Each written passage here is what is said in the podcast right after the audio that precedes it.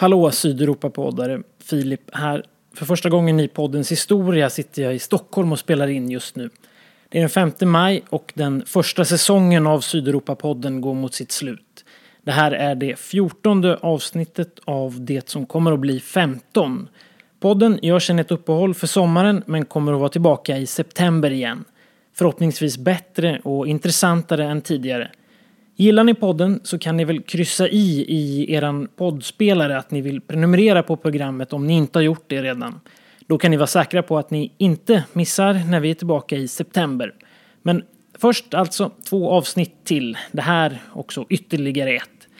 Och det som kommer idag det är ett väldigt speciellt avsnitt som skiljer sig tydligt från hur det har låtit tidigare.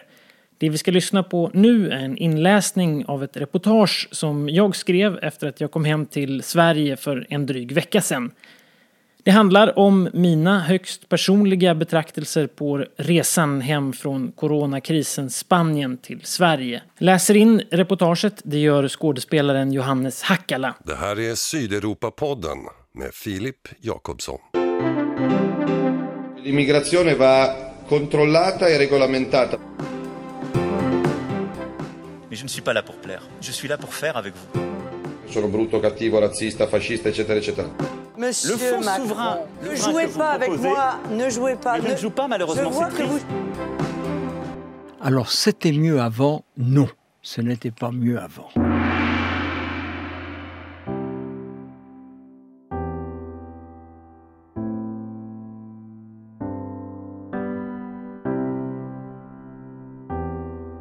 Ni kom till sist till en punkt där ni insåg att det fick vara nog. Som frilansare, studenter, restaurangarbetare och dessutom unga, i alla fall några av er, var punkten dagen då en av er förstod att det skulle krävas lånade pengar för att klara hyran för maj. Hyran för ett rum i Malaga är inte märkvärdig.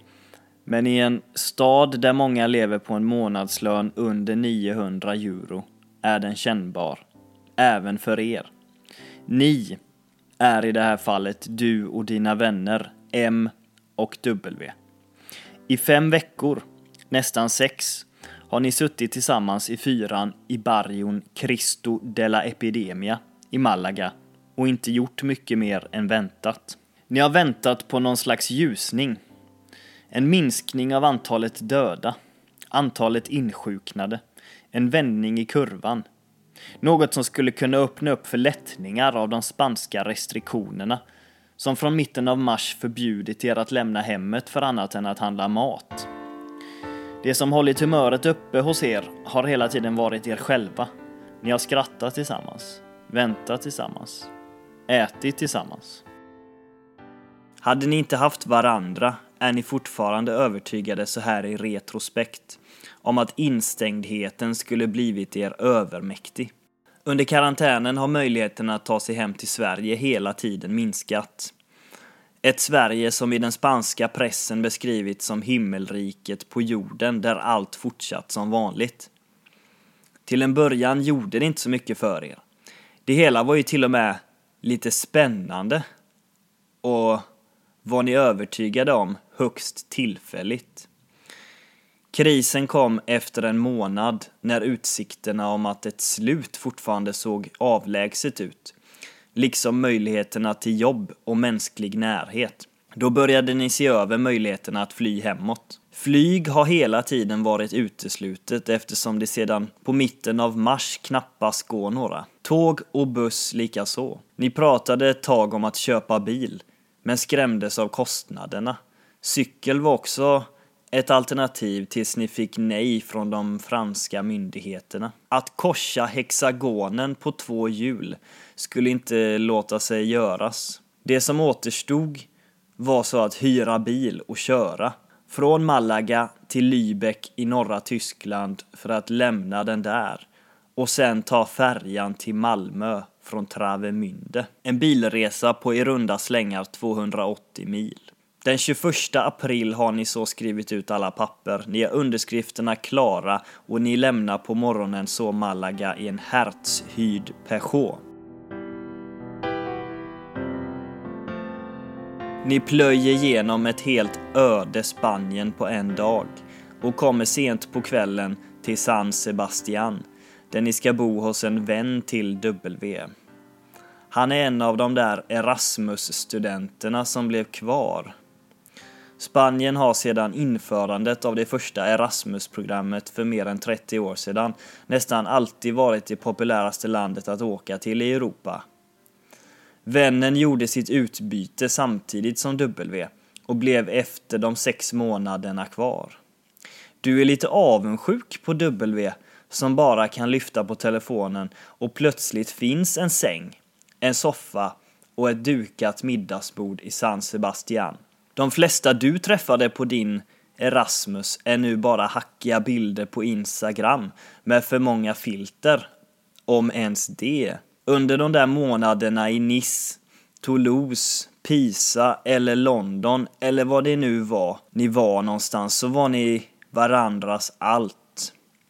Ni skulle för alltid leva tillsammans, lära er varandras språk och besöka föräldrahem i städer långt borta. Aldrig glömma nudlarna på golvet eller bakfyllepizzorna på sängen. Så lät det då. Men några kontakter tappades redan i ankomsthallen på Arlanda. Andra uppehölls över sommaren innan även de blev till ett minne iklätt blaskig öl och fåfänga pretensioner om en större värld.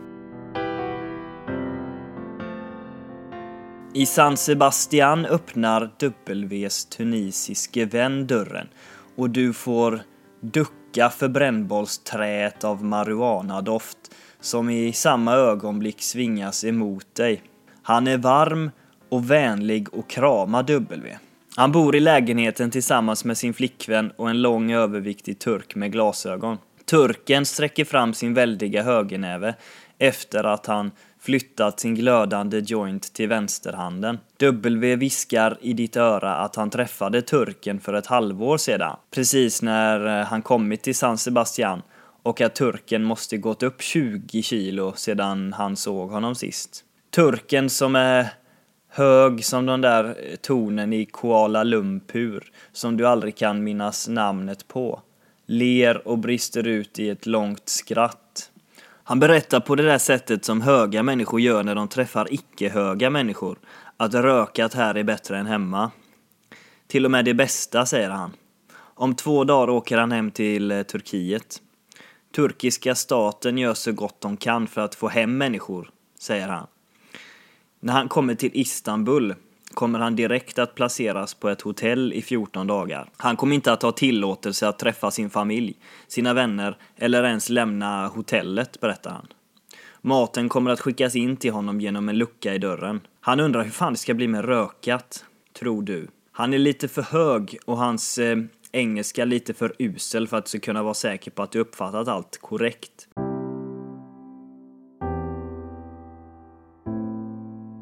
Ws vän kommer ut i det rökfyllda vardagsrummet. Han har en stor kruka i famnen som han refererar till som sin bebis.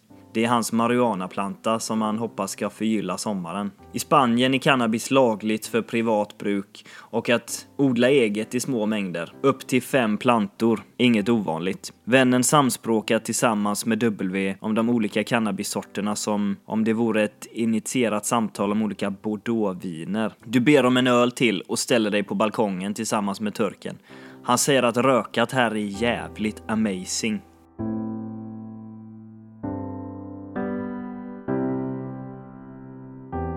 Vid lunchtid nästkommande dag passerar ni gränsen till Frankrike. Innan ni gör det har ni följt den en bit för att se hur beläggningen såg ut på bordellerna på den spanska sidan gränsen.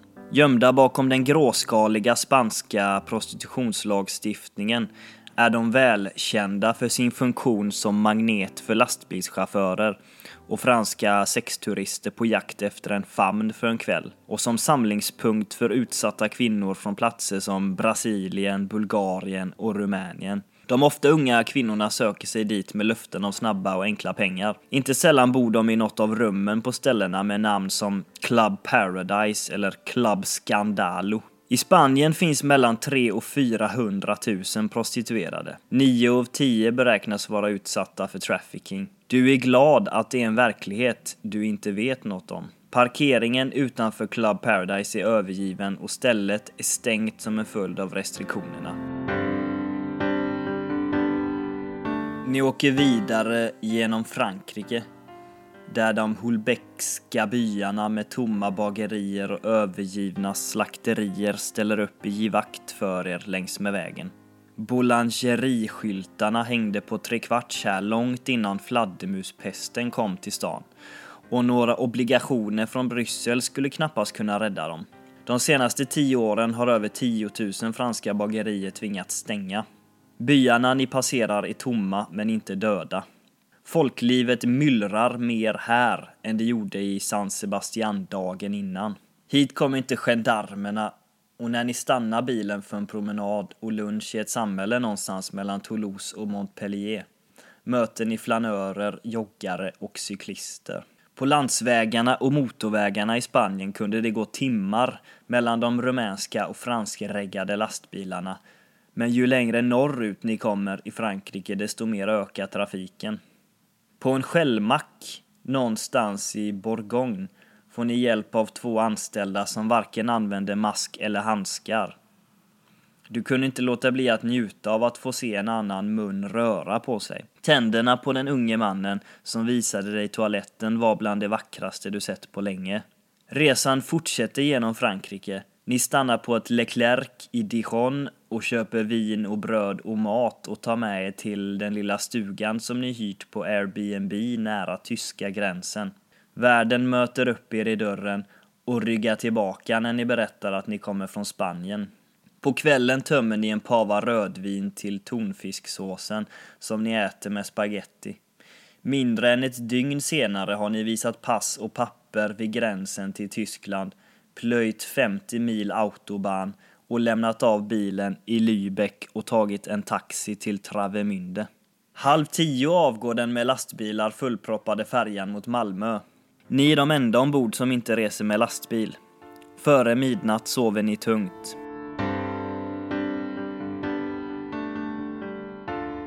Du är glad att återse Malmö i gryningen.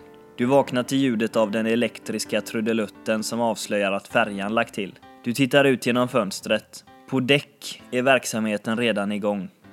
Chaffisen som hade problem att stå upp i baren kvällen före ser tryggt oberörd ut av gårdagens rus. Du trodde att han var lätt, eller polack eller något i den stilen, men han packar in och sätter sig i hytten på sin rumänskreggade lastbil.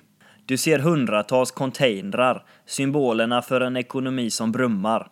Det är Maersk, Hamburg Syd och Lehmann och Ica. I Malmö tar ni in på ett hotell till halva priset och får någon slags frukost. Vid bordet bredvid sitter en italiensk familj som ni pratar med. Utöver några halvhjärtade meningsutbyten på olika mackar och i mataffären i Malaga är det här det första verkliga samtalet ni har med andra människor än er själva på sex veckor. Den italienska familjen har packat ihop allt de har i bilen och kört norrut. Lägenheten och jobben i hemstaden Bari skulle de ändå bli av med när som helst, säger pappan i familjen. De har ett litet hus, Una Casetta, i Edsbyn. Där ser de nu sitt nya liv växa fram, berättar han. Tre barn och två vuxna som ler av friheten det innebär att bryta upp och börja om. Ni får höra fler historier om Italiens uselhet än ni egentligen orkar med efter en natt av ryckig sömn i en alldeles för varm hytt på Östersjön. Ni hjälper dem att betala för parkeringen ute på gatan. Den äldsta sonen tittar lite skamfullt på er när hans pappa går på om maffian, de värdelösa italienska vägarna, skillnaden mot de svenska och lyckan över att äntligen vara här. Under den soldränkta eftermiddagen när ni springer mellan toaletter och filtar och ölburkar ser du den naiva svenska ungdomliga dumheten som du läst om i internationell press och förundrats av under de isolerade veckorna i Pison i Malaga. Den svenska ungdomliga dumheten skiljer sig från all annan dumhet som finns i världen eftersom den är så aningslös och sedan 70-talet också så vansinnigt bortskämd. Det har varit den allenarådande hållningen i Le Monde, La Repubblica och El País. Insikten om att du treölsfull på Mullevången är glad, rent av lycklig av att återse den, är givetvis det värsta med alltihop.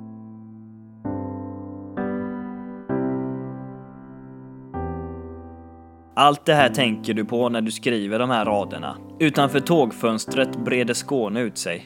En gång var du ung även här. Du kysste någon i Lund en sommarkväll, dansade i Malmö och letade efter Ulf Lundell på Österlen. Du var dödligt uttråkad i Kristianstad, men ville en gång flytta till Helsingborg. Den ensamma hundägaren på sätet framför dig drar ner gardinen och skymmer kvällssolen. Vagnen är halvt övergiven trots att det på SJs bokningssida stod att tåget var slutsålt. Din telefon ringer. Det är den italienska familjen som frågar hur det är med boende i Stockholm eller Uppsala. Edsbyn tycks lite väl lågmält, säger pappan i familjen. Du lovar att hjälpa till med kontakter, även fast du vet att du i det här fallet är lika användbar som ett feladresserat kärleksbrev. I Nässjö kliver M av. Han ger dig en kram som värmer och får dig att le. Ni skrattar hest och du kväver en hostning i armvecket. Du rycker några snabba bloss från W's sig innan konduktören blåser i sin visselpipa och tåget fortsätter mot din mammas gata. Det är den 28 april och du är hemma. Men ändå längtar du hem. Formidable. Formidable. Tu étais formidable, j'étais formidable. Nous étions formidables.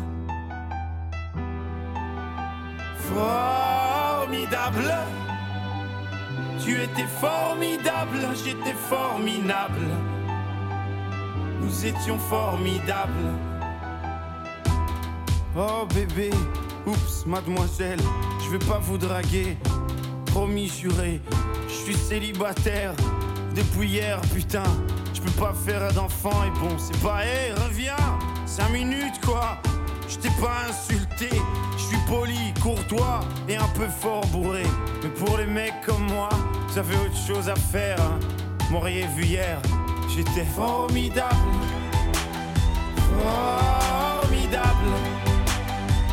Tu étais formidable, j'étais formidable. Nous étions formidables. Oh.